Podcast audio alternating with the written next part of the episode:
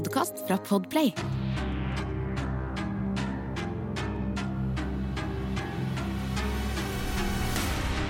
Hei og velkommen til Forsyningsfredag podkast. Denne episoden kan være veldig skremmende for enkelte lyttere, så dersom du er yngre eller sensitiv, så vil jeg anbefale deg å enten høre episoden med en voksen du stoler på, eller skru av. I dagens episode skal vi ta for oss en sak som på folkemunne egentlig er kalt Real Life Mean Girls, og du kommer til å skjønne hvorfor etter hvert. Dette er en av de sykere sakene jeg har uh, hørt om, rett og slett fordi at ting gir virkelig ikke mening, og grunnlaget for hvorfor det her skjedde, det er helt, helt spesielt. La meg forklare deg hvem Skyler Neese er. Skyler Neese ble født 10.2.1996 i Morgantown i West Virginia. Hun var enebarn, og foreldrene hennes het Mary og David Neese. Moren til Skyler jobba som administrativ assistent på et hjertelaboratorium, mens faren hennes var produktmontør hos Walmart. Foreldrene til Skyler forteller at hun var en veldig omsorgsfull person som alltid sjekka opp på vennene sine og var veldig tilstedeværende. Visstnok var hun også en skikkelig pappajente, og det her er sånn foreldrene til Skyler vil beskrive henne. Hello, nymph. yeah, exactly. She was uh, she was energetic. She was positive. She was uh, kind, Very bubbly. Bubbly. Always. She had a smile that could light up a room.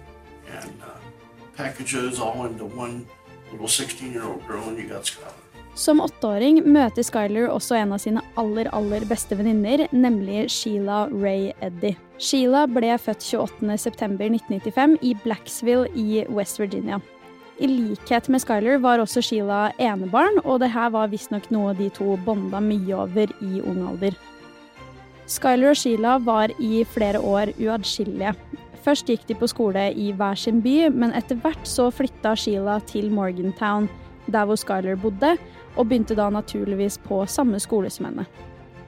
Foreldrene til Skyler forteller at jentene var sammen hele dagen på skolen, og når de kom hjem, så snakka de på telefonen hele tiden ellers. I begynnelsen av vennskapet til jentene hadde foreldrene til Skyler et veldig veldig godt inntrykk av Sheila, og hun ble så godt kjent med familien at hun bare kunne komme og gå som hun ville hjemme hos dem. Etter hvert skal imidlertid bekymringen vokse seg ganske stor. Mary og David Nees, altså foreldrene til Skyler, begynner å få en ganske uggen følelse på Sheila, og dette er sånn faren til Skyler vil beskrive henne. Sheila felt like she was the center of the universe. If it didn't involve her, she didn't care about it. Moren til Skyler forklarer i samme intervju at eh, de egentlig bare prøvde å akseptere Sheila som venninna til datteren deres, men at de etter hvert bemerka seg at Sheila i bunn og grunn bestemte alt Skyler skulle både si og gjøre. Da jentene begynner på videregående, blir de også da kjent med en tredje jente som skal bli en stor del av livene deres. Dette er Rachel Shoff. Foreldrene til Skyler beskriver henne som en helt vanlig tenåring, og forteller videre at de egentlig ikke kjente henne noe særlig, ettersom at hun kom inn i livet til Skyler ganske sent i forhold til Sheila. Disse tre blir da bokstavelig talt en dødelig trio. Disse tre jentene jobba faktisk også sammen i tenårene på en lokal Wendys-restaurant, så de brukte veldig mye tid sammen og var virkelig uatskillelige. Jeg vil fortelle dere litt mer om Rachel Shove, sånn at vi har bakgrunnshistorie på de alle tre. Rachel Shove ble født 6.6.1996 i Morgantown, akkurat som Skyler. Familien hennes vil beskrive henne som veldig energisk, eventyrlysten og en smart jente med gode moraler. Visstnok hadde hun også ganske gode forutsetninger for å bygge seg opp en bra fremtid i forhold til jobb, men også sosialt. Til tross for at Rachel i tenårene begynte å bli ganske rebelsk, hun var glad i oppmerksomhet og var etter hvert mer et på en måte wild child, så opprettholdt hun likevel gode karakterer på skolen, så det var nok det som gjorde at de anså fremtiden hennes som en ganske lys en.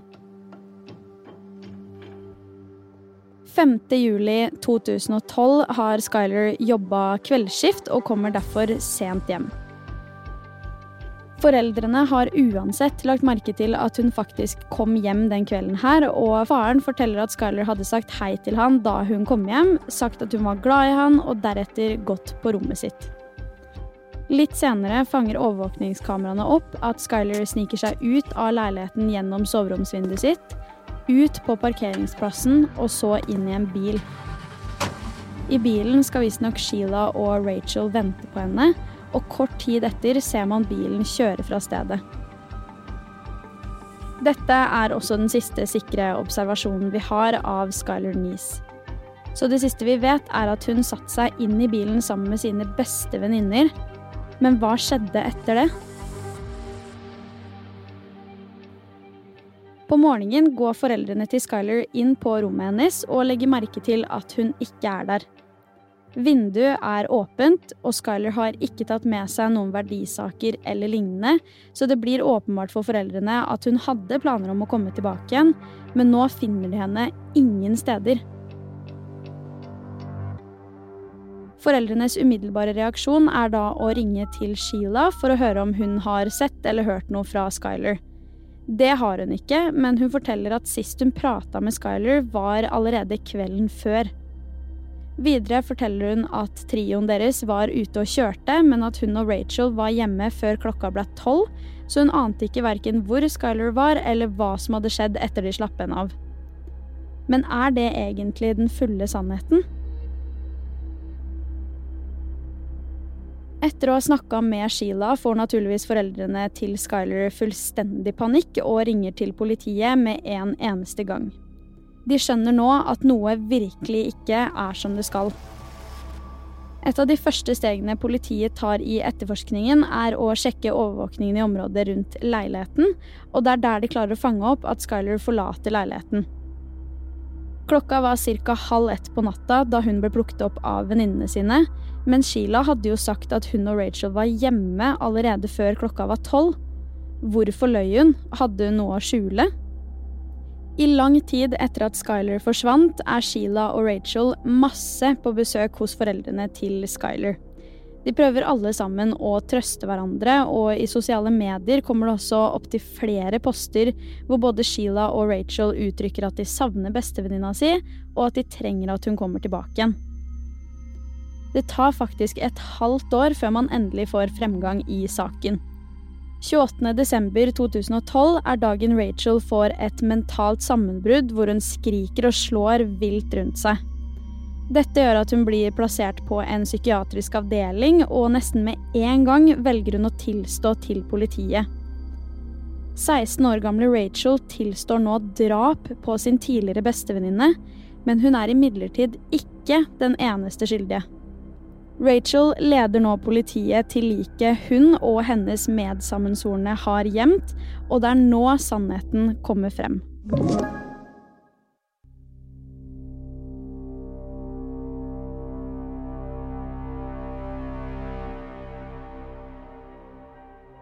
«16.1.2013 blir liket identifisert til å være 16 år gamle Skyler Neese.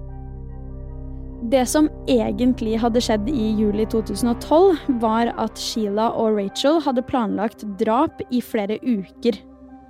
5.7.2012 hadde de da bedt Skyler om å snike seg ut hjemmefra, så skulle de plukke henne opp. Skyler blir da fortalt at de bare skal kjøre litt rundt og deretter stoppe et sted for å røyke marihuana. Det her var egentlig noe jentene gjorde veldig jevnlig, så det her virka ikke noe unormalt for Skyler. I løpet av natta kjører Sheila jentene til et sted som ligger akkurat over grensa til Pennsylvania. Dette var visstnok ikke et ukjent sted for noen av de, for de hadde vært der opptil flere ganger, og dette var på en måte standardstedet de pleide å dra til når de skulle røyke marihuana sammen.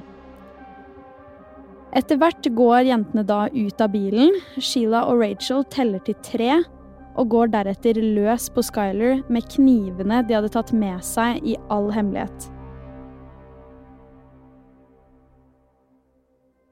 Etter de er ferdig med henne og er forsikret om at hun er død, gjemmer de liket med blader og jord fra området rundt. Sheila og Rachel hadde stått og sett på at Skyler blødde ut, og alt Skyler hadde sagt under denne hendelsen, var 'hvorfor'. Bak kulissene skal det angivelig ha vært sånn at eh, Skyler nylig hadde begynt å skli fra jentene etter en krangel som hadde oppstått noen måneder i forkant. I dagboka foreldrene til Skyler fant inne på rommet hennes, så kunne man også se akkurat hvilken krangel det her var. I dagboka skildrer Skyler en hendelse der de alle tre hadde vært hjemme hos Rachel og drukket alkohol. Denne kvelden hadde visstnok Rachel og Sheila vist tydelig at de to hadde en mer romantisk og seksuell relasjon enn hva Skyler visste fra før av. De hadde ifølge dagboka til Skyler begynt å kline på sofaen, og etter hvert også blitt enda mer intime rett foran ansiktet på Skyler. I tiden etterpå skal visstnok Rachel og Sheila vært livredde for at dette var noe Skyler skulle fortelle til noen, og det er visstnok nå den uatskillelige trioen begynner å skli fra hverandre.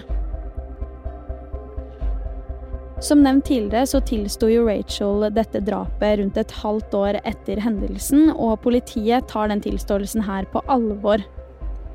Underveis i etterforskningen kommer det også frem at Sheila Eddie har spilt en veldig stor rolle i det her. Politiet gjør også undersøkelser av bilen til Sheila, hvor de da finner blodspor som tilhører Skyler. Sheila hadde nemlig dratt tilbake til åstedet alene en liten stund etter drapet, da for å flytte liket, så det er rett og slett sånn blodet hadde kommet inn i bilen hennes. Den offisielle grunnen jentene kom med i avhør til hvorfor de begikk drapet, var at de ikke likte Skyler lenger, og at de ikke ønsket å være venn med henne.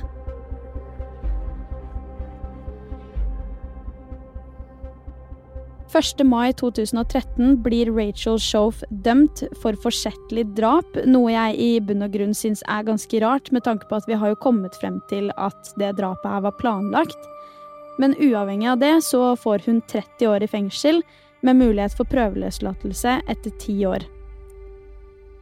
Sheila Eddie på den andre siden blir dømt for overlagt drap, kidnapping og planlegging av drap. Dette gjør at hun får livstid i fengsel, med mulig prøveløslatelse etter 15 år. Hva er det som får to 16 år gamle jenter til å ta livet av sin beste venninne?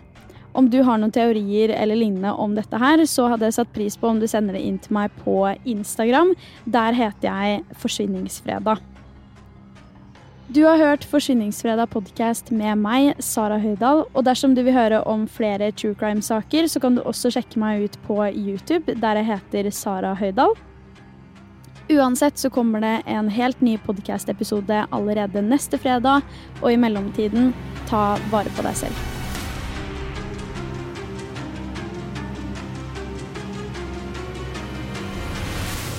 Du har hørt en podkast fra Podplay en enklere måte å høre podkast på. Last ned appen Podplay, eller se podplay.no.